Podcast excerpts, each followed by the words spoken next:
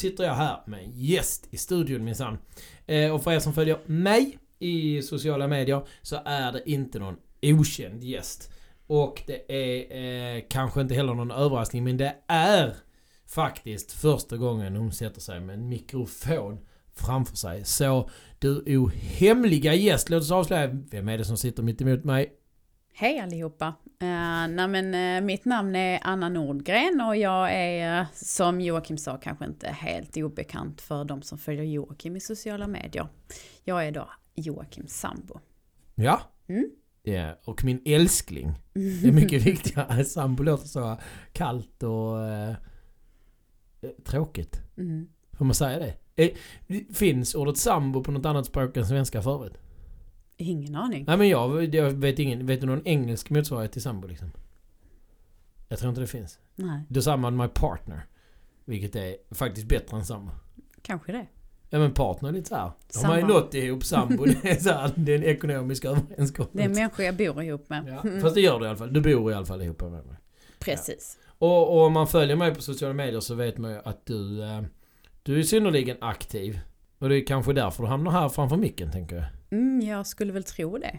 Ja. Varför är jag här egentligen? Nej men det finns nog en idé med att du är här faktiskt. Eller det är jag som har en idé. Jag har tjatat lite på dig.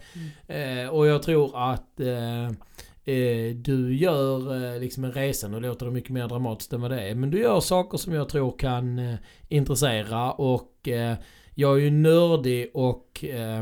eller supernördig och rätt into detaljerna i allting och tycker att allt som har med cykling och triathlon och, och konditionsidrott är superkul att göra. Och kanske är långt förbi den tiden där jag äh, egentligen liksom i fundamentet utmanar mig själv. Nu utmanar jag mig själv med att göra saker värre hela tiden. Eller annorlunda. Men äh, eh, ändå en bit sen jag började med alltihopa. Och faktiskt samma om vi nu tänker på Micke som brukar vara med här också. Att det är ju det är länge sedan han började cykla och, och vi är också ganska så liksom förbi den. Men du är ju i annan, en annan fas som också är sjukt spännande och jag tror att kan intressera många som mm. lyssnar på en podd om det här. Men ska vi, ska vi börja med att ta ett litet historiskt perspektiv? Var kommer ditt motionsintresse ifrån?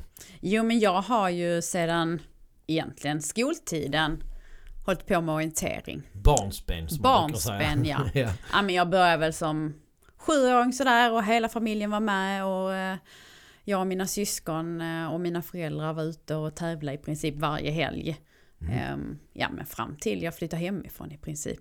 Och för, oss som inte, för er som inte vet det och för mig som inte visste det innan jag träffade dig heller. Så är eh, orienteringscommunityt är ju jättemycket större än vad jag trodde att det var. Mm. Alltså, jag kom ut på en orienteringstävling i skogen. Det är otroligt mycket folk. Mm, du har ju fått följa med mig lite grann här. Ja, men jag var inte så svårövertalad. Under vår tid ihop. Men, uh, nej, men det är en fantastisk sport och, och det jag brinner för med orientering är liksom att kunna eller behöva koppla ihop både det fysiska men även tillsammans då med huvudet. Mm, det mentala, att kunna läsa en karta, att vara kall nog att göra val och beslut och Exakt, det går liksom inte att bara trycka på.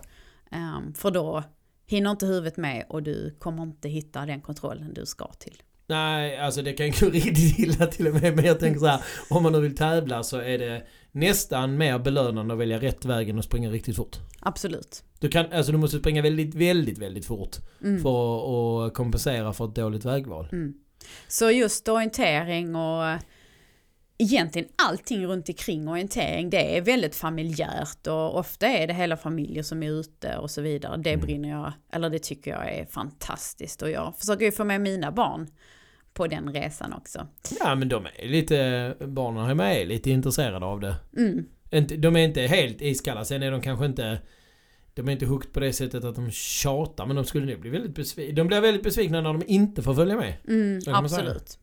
Men så skogen är ju Skog och löpning är rätt så naturligt. Ja. Många orienterare är ju sjukt duktiga löpare. Mm. Ja, det skulle jag väl också säga. Och det beror ju delvis på att man springer. Mm. Men också att det snabbaste vägvalet är ju sällan en stig. Mm. Nej men terränglöpning är ju, gör ju dig ofta till en väldigt bra löpare. Ja, och För terränglöpning i detta säger vi obanad terräng. Obanad liksom. terräng, ja din motor får ju liksom jobba för den, de kilometerna du lägger under dig liksom. Ja, absolut. Ja, men det, och det är en ganska bra... Och Sverige är duktiga på orientering. Har varit Mm. alltid, höll jag på att säga. Men länge och är Mm. fortfarande. Mm. I, i, synnerligen aktuellt. Med Tove och så vidare. Mm. Men jaha, och där kom löpning och den blev då liksom en så här från barnsben och upp en naturlig del av livet. Absolut. Och du har haft det med dig så här. Eh, men det, löpning är otroligt lättillgängligt. Mm. Mm. På med skorna på en och en halv minut är du faktiskt träningsredo och är ute och springer. Mm. Nästan var du än bor någonstans. Ja. Och, och du har ju också som vi nu redan nämnt barnen så det har ju gått ett par graviditeter och du har alltid kommit tillbaka till löpningen. Mm. Eh, utan några mankemang. Eh, och alltid haft det som en bra, en bra, ett bra träningsalternativ. Ja, verkligen.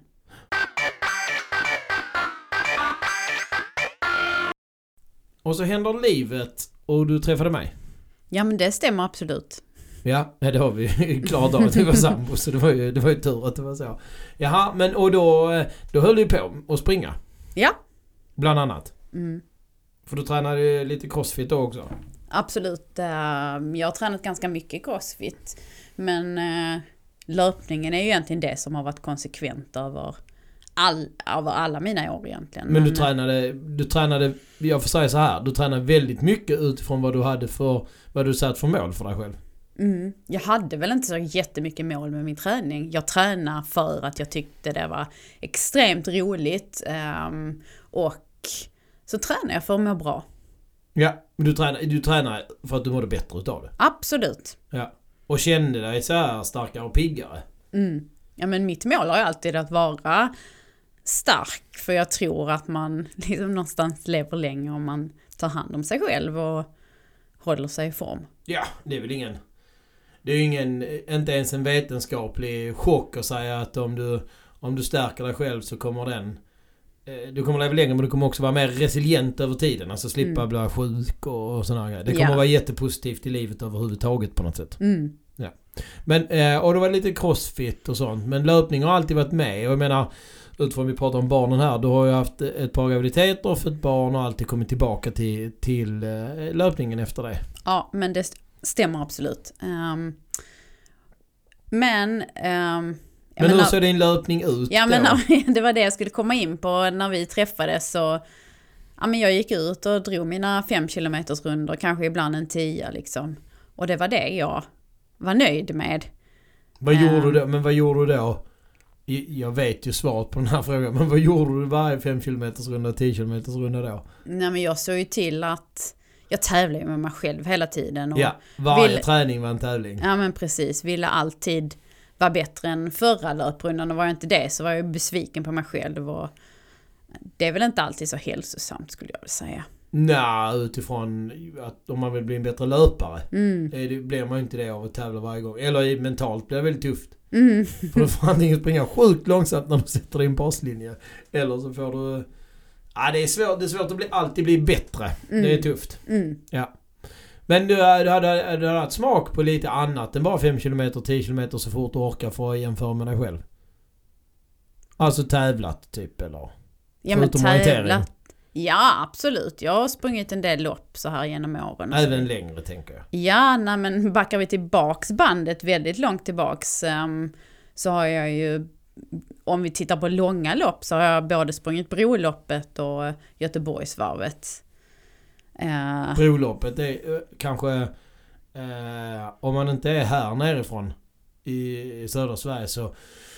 Så är broloppet gick ju... Det var en one time off. När man invigde bron så sprang man från Danmark till Ja, men Sverige. det var Bron några år det gick. Öresundsbron, inte Ölandsbron. nej precis, Öresundsbron och det var en, ett halvmaraton som gick där. Jag tror bara det var två gånger faktiskt. Ja men det kanske bara var två gånger. Ja. Men eh, det var ju 2000 jag sprang. Eh, och tajmingen var kanske inte perfekt. För att det, loppet gick eh, sådär två dagar efter min student. Och eh, Flytande kolhydratladdning. ja men uppladdningen inför det loppet var väl inte så himla perfekt om man säger så. Det går och, att göra den bättre, ska vi säga så? Ja, och ehm, det blev en jobbig upplevelse. Där jag väl efter det sa att nej, det här med långa lopp är inte min grej, jag ska aldrig mer springa långt. Sen gav jag ju mig på det igen då med Göteborgsvarvet, men det var några år senare.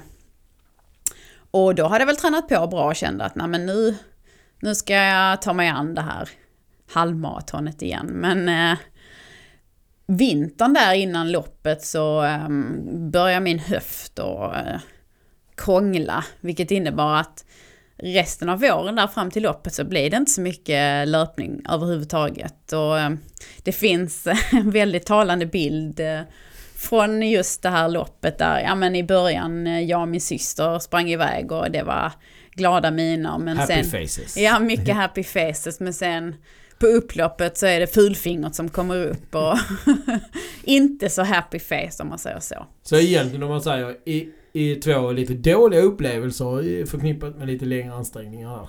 Mm, absolut, väldigt dåliga upplevelser och jag varje gång eh, har jag då sagt att nej, jag ska inte ge mig på långa lopp, men det är inte för mig, jag kan inte springa långt typ, ungefär så. Mm. Och sen när jag träffade dig så var vi ute och sprang lite grann. Och så såg jag en så otroligt tydlig dieselmotor i dig där man bara ser att... Ja, jag tyckte jag såg det redan de första gångerna vi typ sprang ihop att shit hon kan springa hur långt som helst om hon bara konserverar det här. Och så började jag tjata om att man kan ju springa... Man kan ju springa långsammare. Mm. Man måste inte tävla med sig själv. Nej, men det, det tog du var lite inte tid. anhängare av den Nej, feedbacken. det var jag inte överhuvudtaget och det jag kanske inte fortfarande helt ut heller riktigt. Men eh, där någonstans då, våren 2020, så började jag väl inse att ja, men jag ska nog ändå ge mig på att springa lite längre. Och dels var det vi hade gäster av en kompis då som var på, på, eh, på middag och hon hade dratt ett halvmaraton där på förmiddagen och kände Shit, det där skulle jag också vilja göra. Jag Men hade ju liksom sprungit varit ute... så att det, målet var att springa 21 km? Det vet jag, det, det var inte noggrant. Hon hade sprungit långt. Ja, ja. Eh, och jag bara, men det skulle jag också kunna tänka mig och efter så kände jag väl eh, bara ett par dagar senare, nej nu ska jag ut och då blev det 15 kilometer då tyckte jag att nej men det var ju inte så himla farligt egentligen. Eh, så att, och jag tror faktiskt att crossfiten jag hade hållit på med och liksom alternativ träning samt mina vanliga 5-10 km runder det hade gjort att jag var ganska stark faktiskt. Ja, men jag tror att... Eh, dels tror jag att crossfiten så som den är. Jag är ju absolut inte någon crossfittare. Men det beror på att jag är för mycket tävlingsmänniska så att jag tar i så mycket när jag tränar att jag kan inte röra mig dagen efter. Men... Eh, eh, jag tror ändå att det liksom allsidigt stressar den kardiovaskulära apparaten eftersom du anstränger dig. Mm. Eh, och den tränar styrka på en massa ställen. Sen riskerna är så här att man gör fel och så vidare. Men, det positiva är att det, det ger ganska allsidig träning. Så. Absolut. Ja. Och samtidigt med det då, eh, att jag började springa lite längre så var det ju du och eh, några andra kollegor som hade anmält er till Köpenhamn halvmaraton och började tjata på mig om att Anna, du ska också med. Och jag var väl så, nej jag har lovat mig själv att inte springa just de där loppen något mer. Men det var Eh, någon liten molekyl inne i kroppen som tyckte att ja, det där tjatet. Ja men sen efter att jag hade klarat av de där 15 kilometerna och kände att, ja men herregud, sex till lite drygt, det kan jag väl klara av. eh, Jag kände mig starkare än vad jag kanske har gjort tidigare. Alltså, jag tog beslutet om att okej då, jag, jag anmäler mig. Ja. Ja. Och det var, då ska vi säga att då anmälde vi oss till Köpenhamn till eh, hösten, eller vad man ska säga, sensommaren, hösten där. Mm. 2020, men det blev inte av. Nej, det blev inställt. Nej, det blev uppskjutet. Ja. Ja, men när det väl Same skulle... same egentligen. Ja, men sen var det av de fem eller sex eller vad vi nu var som anmälde oss var det en som sprang. Mm. Någon av alla åtta. Eh, du hävdade att du skulle springa det. Jag Om du skulle bara hade fått springa. ut din nummerlapp. Vi fick Vi inte ut våra nummerlappar. till Klant- det. Ja, precis. Men jag hävdar att det hade inte hjälpt om du hade fått ut någon nummerlapp. Därför att din lilltå... Ja men vi kan säga så här, om du hade sprungit en halvmara med den lilltån så hade du varit på sjukhuset efteråt i alla fall. Nej, det tror jag inte men eh, Nej men vad gör de? Man gipsar lite grann. det kanske... Det, kan, det hade kanske inte burit men jag hade i alla fall sprungit. eh. Det Får jag bara hade ta en live-fråga i det? Är den lilltån riktigt bra nu ens? Eh, nej, är det nu du slänger in passkortet? Nej, den är inte helt bra. Men det är ju inte så att jag inte kan träna på den. Jag känner ju av. eh, Jag slog i den. eh, Men det var någon I du slog bara den i, eller typ i. Ja, sängbenet säng. eller något. Ja, men eh, Den var risig där. När, när Köpenhamn halvmaraton gick var den riktigt risig. Det var bara någon vecka efter. mm, Ja, jag tror inte du hade kunnat springa. Jag hade en vad som strulade så jag sprang inte heller. Det var bara Martin och det ska han ha all cred för i världen att han faktiskt eh, gjorde sin mm, del där. absolut. Och han gjorde det bra. Ja, absolut. Han har dessutom kommit igång med att springa på grund av det så att Mm. få tillbaka en... Eh, ja men, en... Eh, en vilja att träna. Kudos till Martin. Ja, och oss som lyckades eh, eh, bringa fram det i honom. Mm. Med en liten utmaning. Nej men så, så våren 2020 tillbaks till det då så um, började jag springa lite längre och där är du ju stor del i det. Ja men jag pratade om eh, upplevelselöpning. Mm, Nu precis. konceptualiserar jag igen men vad jag pratar om är att eh, jag vet eh, att det är att springa lite långsammare var inte så poppis men då får man ju sätta sig i en situation där man inte kan springa fort.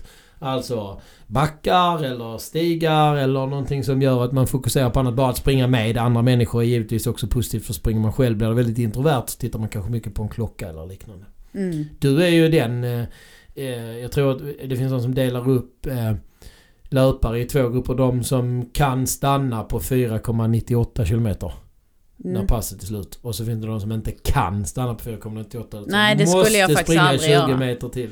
Ja, Och du är en sån som absolut inte kan stanna på 4,98. Nej. det gör jag inte. Jag kan det. Mm. Du får inte att jag har en skill också. Ja. Mm.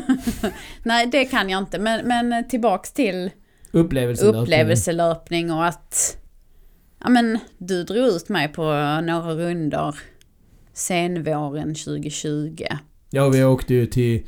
Då åkte vi till ställen som jag visste att det skulle bli spännande löpning. Alltså Kullaberg eller... Ja, vi var på lite olika ställen. Mm. Men egentligen är det inte själva naturen för mig som är det viktiga. Jag tycker det är kul att springa var jag än är och jag upplever nog mycket oberoende av var jag är någonstans. Jag upplever på mina fyrkantiga runder hemma vid också. Om, Eh, om någon eh, vill kolla Anna på Strava så kan ni se eh, drottningen av fyrkantiga eller eh, ut och inrunder också. mm, jag älskar att ha en lång raksträcka och bara dra på. Men Du är en riktig sån ut och in. Du kan, Koppla bort du kan och springa springa. 10 km ut och 10 km hem och Ja. tycka att det var en helt okej runda. Ja, ja, det har jag absolut inga problem med. Eh, att se saker från båda hållen. det, det, det, det går alldeles Okej, utmärkt. okej. Eh, så egentligen det jag skulle komma fram till var att det är inte själva upplevelsen, naturupplevelsen som är hela grejen för mig med upplevelselöpning utan just eh, att inte fokusera på tid eller sträcka för den delen utan bara fokusera på att springa. Och det behöver inte gå fort. Och där har jag väl, jag har fortfarande såklart klar, kvar att lära mig i det men eh, det har ändå varit en ögonöppnare för mig. Jag har blivit bet- mycket bättre. Men alla pass behöver ju inte vara att man skiter i hur fort det går heller. Utan vissa pass kan ju faktiskt få lov att vara bestämda att de ska gå i en viss hastighet. Absolut. Eller att man ska ta i. Ja. Så att, eh, men jag bara säger att man måste kanske ha ett spektra däremellan. Mm. För att, eh, Mm. för att kunna träna ordentligt. Jag har varit en riktig enhastighet-människa. Ja, det var, den, och det vill jag också säga till alla som undrar. Den hastigheten har varit max. Den har ju aldrig varit, du har inte varit en hastighetsmänniska att du har haft en kilometertid som du har hållit och sen har det varierat i vilken form du har varit men du har hållit samma hastighet utan du har ju sprungit så fort du kan. Ja, Typ. typ. Lite, Inte lite riktigt mindre. så fort Nej, jag inte kan. pumpat ut dig Nej. men ändå eh, med någon form av komfort. Sprungit Ja. så fort du kan. Exakt. Ja. Och, och det menar jag är, är, blir kanske lite väl hård träning egentligen. Mm. Utifrån att man ska kunna återhämta sig. Mm. Men så som sagt så kom jag in i ditt liv och då blev det inte bara löpning längre. Nej, du eh, introducerar ju mig till cykling också. Introducera var ett väldigt diplomatiskt ord. Om man är runt omkring mig eller om man kollar mina sociala medier som kanske någon gör också så eh, cykling är ett dominerande inslag i livet. Mm, jag insåg ju ganska snabbt att ska vi ha tid ihop så lär jag ju börja cykla liksom. Fast jag minns inte det så. eh, Du, du uttryckte det mer diplomatiskt till mig då för att jag minns det som att du sa att för jag tyckte också att du var på väg så här att köpa en cykel och då... Ah, ska, ska du kanske vänta lite och, så att du behöver inte... Du behöver inte cykla för att jag gör det, kände jag. Lite Mm. grann. Men då sa du att... Eh, ah, tycker du att det är roligt så kommer jag tycka att det är roligt. Ja, också att jag kände väl att det blir en perfekt komplement till löpningen. Mm. Mm, ja men det är det ju. Alternativ träning liksom. Mm, Mm, ja absolut. Ja. exakt. Så sagt och gjort så köpte jag mig en cykel eh, våren 2020. Det var väl i, Maxa. i maj någon gång. Min Maxa är kvar i, eh, i stallet. Mm. Hon är eh, eh, trainercykel numera. Ja, precis. Hon får stå inne. Mycket fin. ja, hon har det varmt och skönt. Ja, exakt. Ja. Ja. ja men då blev det landsvägscykling där. Mm. Men sen har du lite andra influenser där också. Inte bara jag som influerar. Nej, sen hade jag då ett par kompisar som höll på med, med mountainbike eh, då. Ja, och Eh, du blev tidigt rejält utmanad där. Ja, så en kompis till mig som, eh, som sa, ja ah, men du Anna, jag har ett, ett lopp här uppe vid mig på Hallandsåssluttningen som går ut på att eh, cykla mountainbike eh, och samtidigt orientera sig mellan olika stationer eller kontroller. Ja, typ Så en- övningar eller vad man Så en säga. blandning mellan orientering, cykling och eh, utmaningar kan man Ja men säga. som, eh, det finns ju något som heter AIM Challenge eller har funnits uppe i Åre som har varit samma sak. Fast det här Mm. heter Saga. SAG, SAG Challenge. Alltså. Ja. Ja. Ehm, och då var jag ju, jag gillar ju utmaningar och eh, sådär. Så jag sa väl ja ganska snabbt i det där. Och insåg shit, nu behöver jag köpa en cykel till. För att, eh, Och då vänder du dig direkt till blocket Gurun Jönsson. ja exakt. Ja. Så sagt och gjort så köpte jag en, en mountainbike också. Mm. Ja och sen var det lite så att det var ju... Det var en perfekt utmaning på många sätt. Eh, cred till den som utmanade dig. För att det var en bit som var ny för dig i mountainbikecykling. Men det var en bit som var väldigt känd för dig i, i orienteringen. Mm. Så det blev cykel och eh, kartställ till cykeln. Hastigt och lustigt där. Mm. Det var roligt. Mm. Jag gillar ju prylar så jag tyckte det var jättekul att få lov att leta efter något som inte var... Men det, det är ju inte lika roligt att leta efter saker man känner till. En ny kedja eller en ny kassett är ju ganska tråkigt på lager. Men ett kartställ till mountainbike. Det var Mm. spännande att leta efter. Mm. Och nu har du det. Mm. Ja. Det var ju... Det är också så fräck. Det är en bra pryl. Mm. Jag är lite impad av den. Och, och, och eh, utmaningen i sig blev väl lite av en succé också. Ja men det var jätteroligt, Mm. verkligen. Mm. Ehm, det var ju en utmaning som tog uh, flera, flera timmar att genomföra. Jag kommer inte ihåg vad maxtiden var men ehm, det fanns en maxtid på, Ja, det gick på ju på några timmar. Hallandsås så... eh, Jag vet att folk säger att Skåne är platt men då har ni inte varit på Hallandsåsen. Nej. Eh, men det, var ju- perfekt för mig för att det var liksom det var stigar, det var inte jättetekniskt utan cyklingen var liksom inom det spektrat som jag behärskade kan man säga. Ja, men eh, och då, då kan vi addera till att ett, ett senare tillskott till din, eh, din cykelflotta är ju då också en tempohoj och nu börjar vi eh, skönja att det finns alla möjligheter inom alla discipliner inom, inom, cykling nästan. Mm. Så var, eh, var bultar hjärtat hårdast inom vilken del av cyklingen? Nej men jag är ju mycket mer av en landsvägscyklare än vad jag är mountainbikecyklare. Varför är det så då? Du gillar ju skogen. Jag älskar skogen och jag älskar att cykla på stigar. Eh, men jag klarar inte av när det blir för tekniskt. Alltså stenar och lera och sånt. Eh, eh, det är inte riktigt min grej. Du har varit med en runda i skogen och så här fyra, fem meter bakom mig och man bara det är lera! Ja, och jag har ramlat en del gånger och så vidare. Så att eh, jag har utmanat mig själv. Jag är ingen sån men jag är jätteminne av inte... någon sån supervurpa för dig Nej, jag har inte gjort några supervurpor, men jag har vurpat. Ja. Ofta i uppförsbacke när det kommer en lerpöd samtidigt eller... eh, Men det är lite mental låsning på tekniken egentligen. ja, Ja. absolut. Men du har gjort dina insatser för att göra tekniken bättre. Sen är det bara att så som vi bor så är ju landsvägscyklingen mer lättillgänglig. Mm. Eh, och också kanske din favorit, eh, egentligen riktiga, om du frågar mig, din riktiga favoritgren av cykling som är... Inomhuscykling. Men Nej, då pratar men- vi inte velodrom. Nej, Nej. inte precis. Nej. Men du är väldigt hooked på Swift. Ja, det, ja, jag tycker det är... Jag är en person som hatar att frysa så att vintercykling ute är knappast my cup of tea. Fast vintercykling är misär. Jag cyklar själv inte ute på vintern eh, nästan inte alls längre. Nej. Därför att jag- har gjort förr så har jag så haft vintercykel eller en vintermountainbike och så cyklat på vintern. Men det är miserabelt kallt om händerna och fötterna och sådär. Nej, jag, jag, det finns... Men kudos till alla de som gör det men Ja, det är ja, inte riktigt my cup of tea eller det är inte där mitt. Det är som i Velomantis eh, rules, där de rules of cycling, att om du cyklar ute när det är dåligt väder så är du badass. Mm, Det är jag beredd att hålla med. lite så faktiskt. Men Nej du, men så jag köpte mig en trainer så jag kunde cykla inomhus. Ja, Jag är introducerad i Swift ska jag väl Ja. vara ärlig och säga. Men eh, det, det funkar ganska bra för att du hade inte hållit på att Swifta så länge innan du fick för dig att utmana dig själv på Swift. Mm, precis. Eh, du utmanar ju mig att anmäla mig till... eh, Ja men jag tittade utifrån. Ja men det var ju utifrån det du tyckte var kul med mountainbike så, ja. så var ju Cykelvasan otroligt välpassande att, att sätta som ett mål. För jag är fortfarande tillbaka till där när du tränar mycket och inte hade något mål. Jag är ju torsk på att ha mål.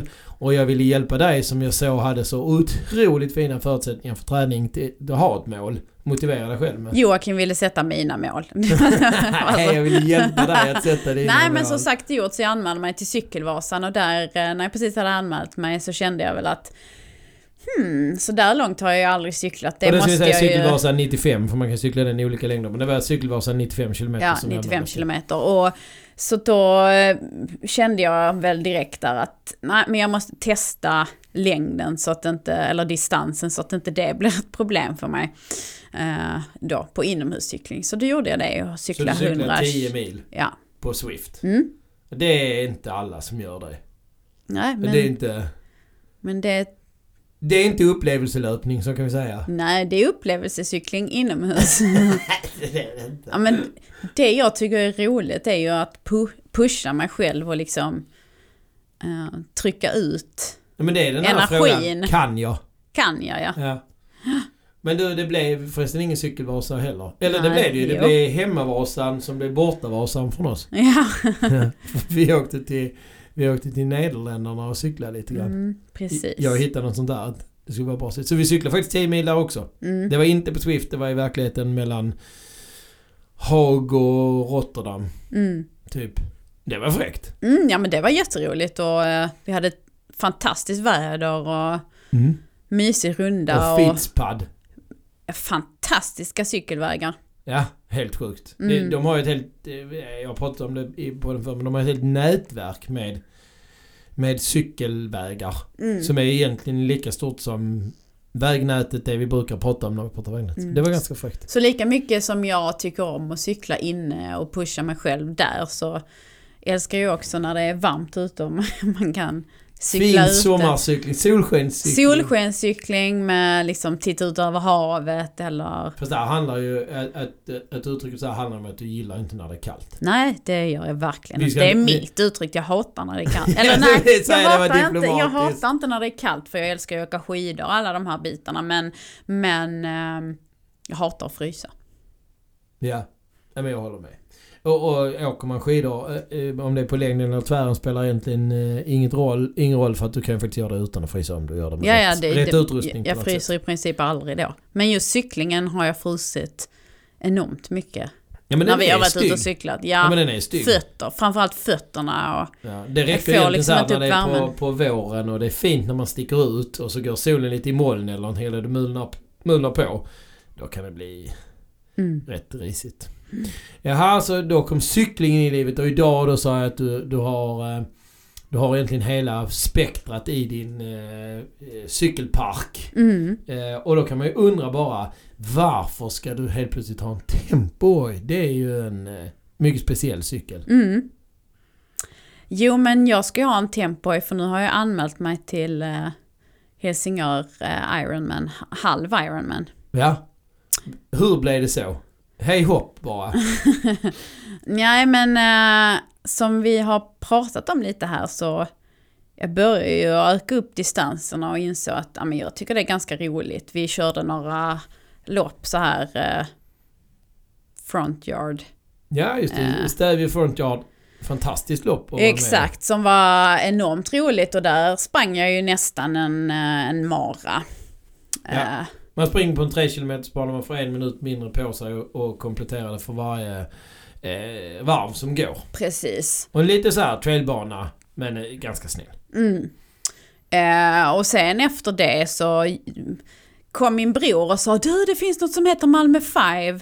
Han Eh, drog igång någonting som han sen fick väldigt... Han fick äta upp det. vilket var fem banor i Malmö eh, som tillsammans mätte upp till, ja men vad var det, 45 kilometer eller Ja, men gjorde sånt. man det på en dag fick man guld, gjorde man det på en vecka fick man silver, gjorde man det på bara alltihopa så fick man brons. Mm, Ja, och då var ju vår målsättning att göra det på guld såklart. mm, Och av oss Och det tre som jag. gav oss ut och springa var det bara Anna som klarade. mm. Och, nej men, jag kände väl där och då eh, återigen att, ja men, det här med längre distanser, det har jag börjat kunna behärska på ett helt annat sätt. Och det har ju med att vi liksom då har Men det handlar ju om att du gjort har... det handlar många upplevelselöpningar och faktiskt varit igång Ja, ja, ja. Och att du har kopplat på den här hjärnan som tar beslut när man orienterar. Kopplat på den hjärnan på att, på att faktiskt hjälpa till att skapa framdrift när det är lite risigt. Mm. Men sen är också att veta hur långt eller vad jag har framför mig. Det hjälper mig otroligt mycket. Jag, det finns inget värre än att säga nu ska vi ut och springa och inte veta hur långt eller vilket tempo det ska vara i Nej, men det är ju ett väl använt eh, för alla som har sett Elitstyrkans hemligheter och sånt där. Att inte veta hur länge Mm. du ska hålla på den ovissheten är enormt utmattande mentalt. Mm. Absolut. Men det vet man ju nästan alltid när man tävlar i någonting. Mm. Det är bara då ska du till multisport och, och adventure racing för att bli av med att veta hur länge du ska hålla på. Mm. Så att eh, det slipper man ju. Mm. Men, men också koppla ihop det mentala. Där är du ju jättestark. På att nyttja din mentala kraft till att eh, skapa mer. Nej men jag fysik. såg väl en, en koppling tillbaka till orienteringen som liksom orientering går ut på att använda huvudet och kroppen samtidigt och överföra det på någonting annat där det blir snarare en mental utmaning för huvudet. Men du, eh, tillbaka till eh, bra med huvud och kropp. Det är väl bra att ha dem i symbios. Lägger man till själen så är det jättebra. Mm. Men men det, det blir ingen halv Ironman om vi lägger ihop, lägger ihop huvud och kropp. Det går att göra betydligt mindre jobbiga saker. Varför blev det en halv Ironman? Ja men du körde ju just den tävlingen här i Ja, just i somras. Helsingör. Ja. i Helsingör och jag var ju över tillsammans med våra barn och hejade och det var ju helt fantastiskt. Vi fick en, en, ja, en grymt bra dag med både insupa atmosfären, se alla som tävlade, liksom, Jag hade en grym dag på tävlingen. De- Dels gick det helt okej ur, ur prestationssynpunkt. Sen hade ett grymt crew på plats. För från början var mina föräldrar med också. De var inte med hela tiden men nästan. mm, Eh, och, och du och barnen. Och det var också... Jag menar varannan vecka har vi fem barn ska man ha klart för sig. Och det kan vara... Eh, det kan vara utmanande. Men de var på gott humör också. Hela liksom stämningen som var i Helsingör den dagen smittade av på alla inblandade. mm. Och då började väl liksom tillsammans med att jag då faktiskt hade utmanat mig själv att klara av längre distanser så började ett litet frö gro om att det här skulle varit fantastiskt roligt att få lov att uppleva själv.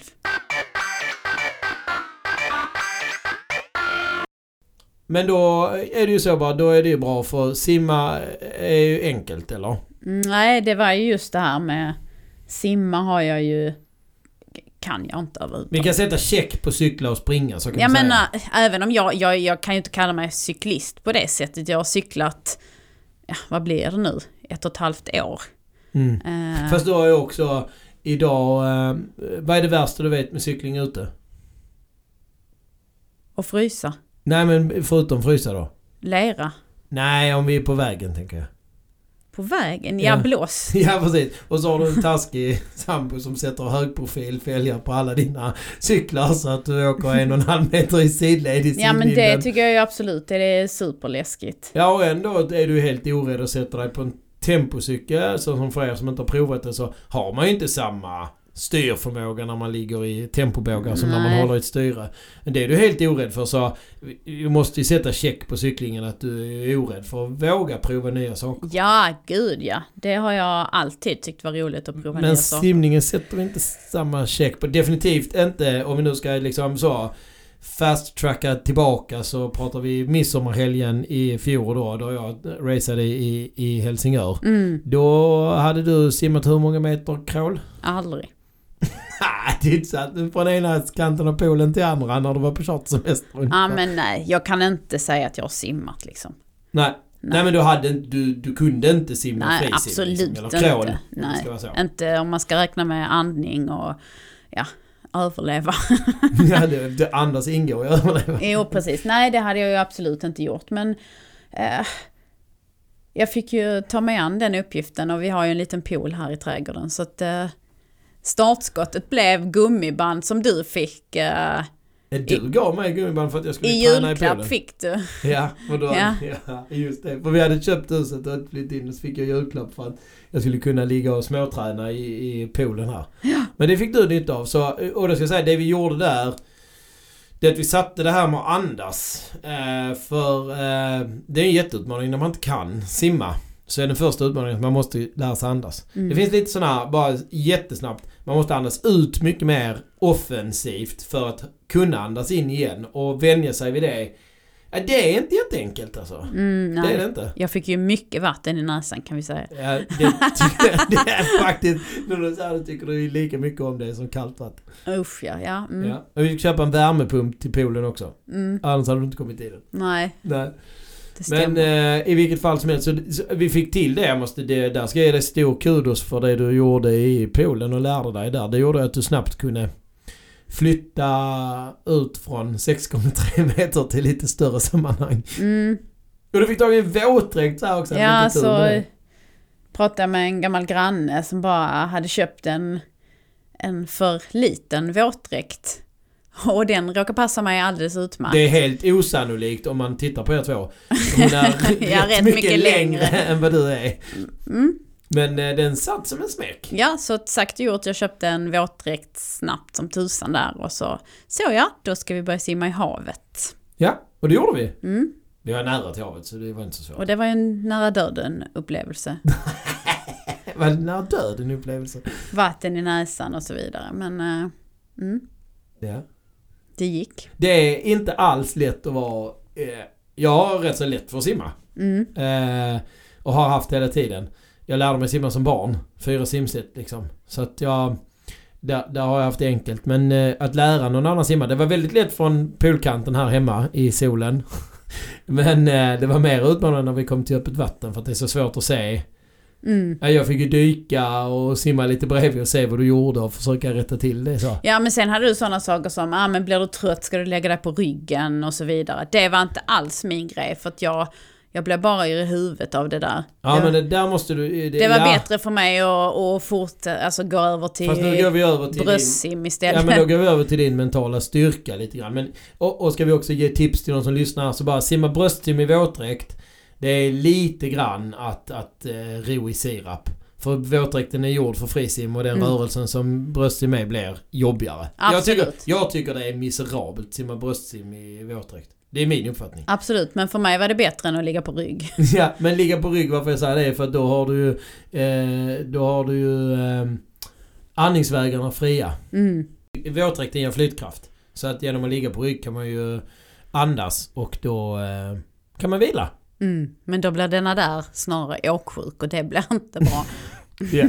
Du blir ju inte åk, du blir sjösjuk. ja, ju. Ja.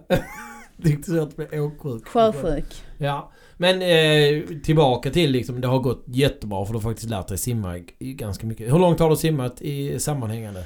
Ja men eh, strax över två kilometer. Ja, där ser du klart. Det är bara 1900 meter på en halv Ironman. Mm. Men vad var det, stämningen där i Helsingör, vad var det som fick dig att tycka att ja, det finns ju sprint och olympiskt, det skiter jag Jag kör på en halv Ironman. Mm. Jo men det handlar väl mycket om eh, den fysiska utmaningen och just det jag har sagt här. ehm, att jag hade börjat köra lite längre. Ja, och att du egentligen gillar det då. Ja men jag gillar det, absolut. Och, och det är vi då, varför jag har tjatat och du nu har hamnat här framför micken är ju för att det här är ju en superspännande resa. Mm. Eh, Jag tror att det finns många människor, triathlon har ju en enorm popularitet som kanske har fått en lite nu.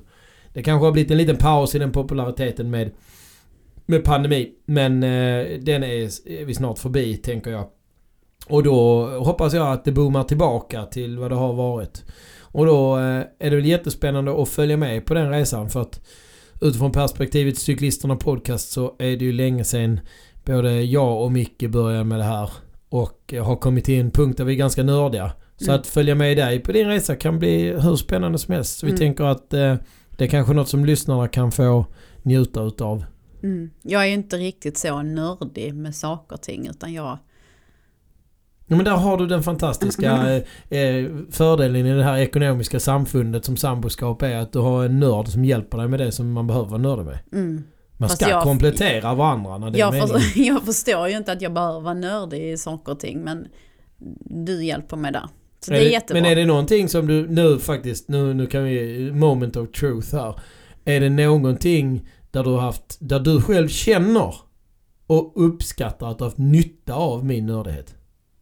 Ja men det gör jag väl på egentligen alla cyklarna. Till Jag exempel. menar på prylnivån. ja ja. Ja, men det är tacksamt att köpa cykel till någon som inte är längre än vad du är. För att det, är lite, det blir lite udda storlek. Mm. Ja. Det gör det lättare när man letar. Jo Nu- men... eh, Nu är, det, nu är det inte tv så alla ser inte. Cyklarna hänger ju här i studion. Mm. Och Anna tittar på dem. Mm. Några av dem. Med vilken blick är det du tittar med? En varm blick. En varm blick? Det är en sån beundransvärd och... Mm. Ja. Det är utecyklarna som hänger här. Eh, Ja, tra- trainercykeln sitter i gymmet. ja precis. Ja. Det är racern och mountainbiken. Det är egentligen för din eh, triathlon har jag inte här. Nej. Nej men liksom... Absolut. Längtar du till sommar när du ser eh, racer nu? Ja men definitivt. Jag längtar alltid till sommaren. Jag älskar värme. Nej, jag längtar. Så, jag ser cyklarna. Jag blir sjuk Mm. när jag ser cyklarna. Och tänker en fin sommarkväll. Kanske lite, nej, inte vindstilla. Men med lite vind. Jag är lite mer en fin sommarmorgon. Ja. Ja, det går lika bra. Jag vet inte varför jag sa sommarkväll. En, fin...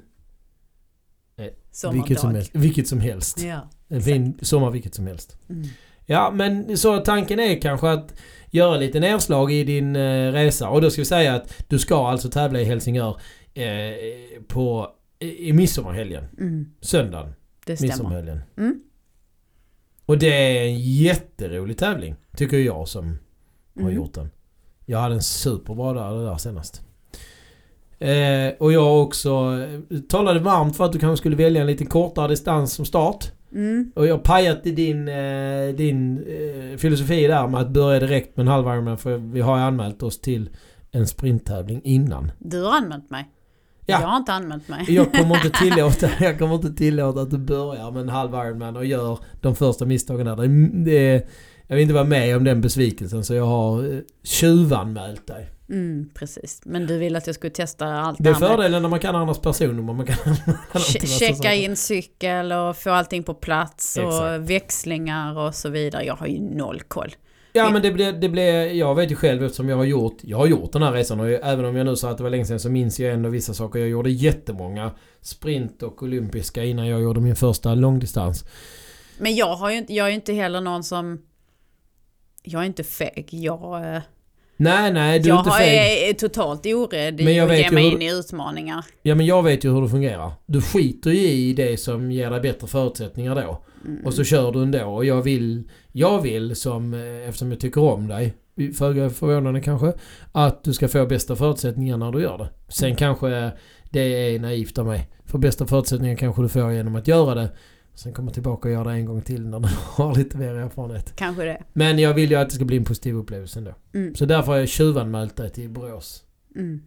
triathlon också. Vilket är den enda tävling som finns att anmäla sig till ungefär innan Helsingör. Mm. Sen ska du ha ett mycket viktigt uppdrag i september. Där behöver du li- bli smittad av lite nördighet. Mm. För du ska vara min eh, support i Blackleck. Mm. Vilket betyder att du ska serva mig med typ dricka, näring och hjälpa mig om jag får något tekniskt problem. Mm, just det tekniska kanske inte kommer vara så himla bra så jag hoppas på, hoppas på att cykeln håller och så vidare. Men Ja, nu mat hoppas jag och också på att dricka är jag cykeln- bra på. Jag hoppas, hoppas också att cykeln håller. Du ska också springa 10 km med Ja, mig. ja, ja, ja, men Mellan det 14 och 24 eller vad det ser är. jag inte som Inte problem. klockan 14 och 24 utan kilometer 14 och 24. Mm, Nej det ser bara, det blir bara spännande. Det går inte så fort där heller. nej, det blir bara roligt. Det ser jag fram emot.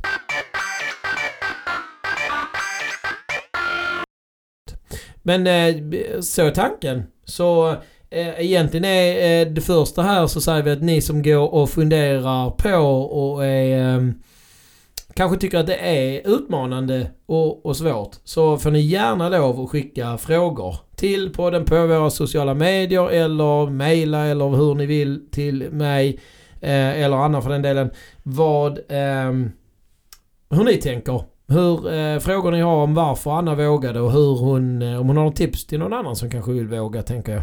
Mm. Eh, Framförallt eh, om man kanske inte är någon som vågar så ofta. Ja, men var hittar man sitt mod att våga göra Mm. sådana här saker? För att jag, jag brukar säga eh, att modig behöver man inte vara om man är orädd. Men när man tycker att något är lite läskigt och ändå vågar göra det så är det mod. Och det får man väl säga i det här fallet att kan man inte simma och anmäla sig till en, till en Ironman så eh, då är man modig för annars är man om man inte är lite rädd för det så skulle man behöva vara rätt så korkad faktiskt. Mm, nej men absolut, jag ska inte säga att jag inte är rädd för. Du har ju sett simningen i. Helsingör som, som förvisso går i, liksom i en hamn, Hamn, eller vad man ska mm. säga. Men det är många svängar, det är mycket navigering. Alltså det är inte... Du är inte naiv. nej, absolut Det inte. tog lång tid det är så. nej men nej, det är, ja, det är en jätteutmaning för mig och ja, det är klart att under en del av träningspassen, om det inte går så bra, så bara shit vad har jag gett mig in på, det här kommer jag aldrig klara, men sen går nästa pass bättre och då känns det Menar du som... simningen nu eller överhuvudtaget? Ja, i, överhuvudtaget. Jag tycker alla dina pass går bra. Det gör de inte. Nej men från sidan om så verkar det Mm. så. Ja.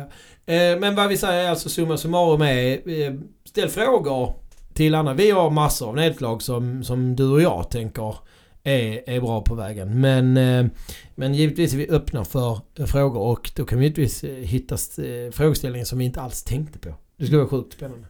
Så hör gärna av er och eh, eh, vi återkommer i frågan helt enkelt. Tack för att du vågar sätta dig med en mick framför munnen Anna. Mm. Det är mycket läskigare än att simma. Ja, lite så faktiskt. Ja. Tur det inte var live. Det är inte riktigt min grej att sådär sitta och prata om mig själv eller ja, dela med mig om mig själv på det sättet kanske. Nej. Men det kanske också är Det utvecklande. blir en ut, utmaning ja, det kan ni också eh, få ställa frågor om. kan vara utvecklande, absolut. ja. Det blir kanon. Vi tackar för oss och så återkommer vi helt enkelt. Tusen tack. Cykla lugnt!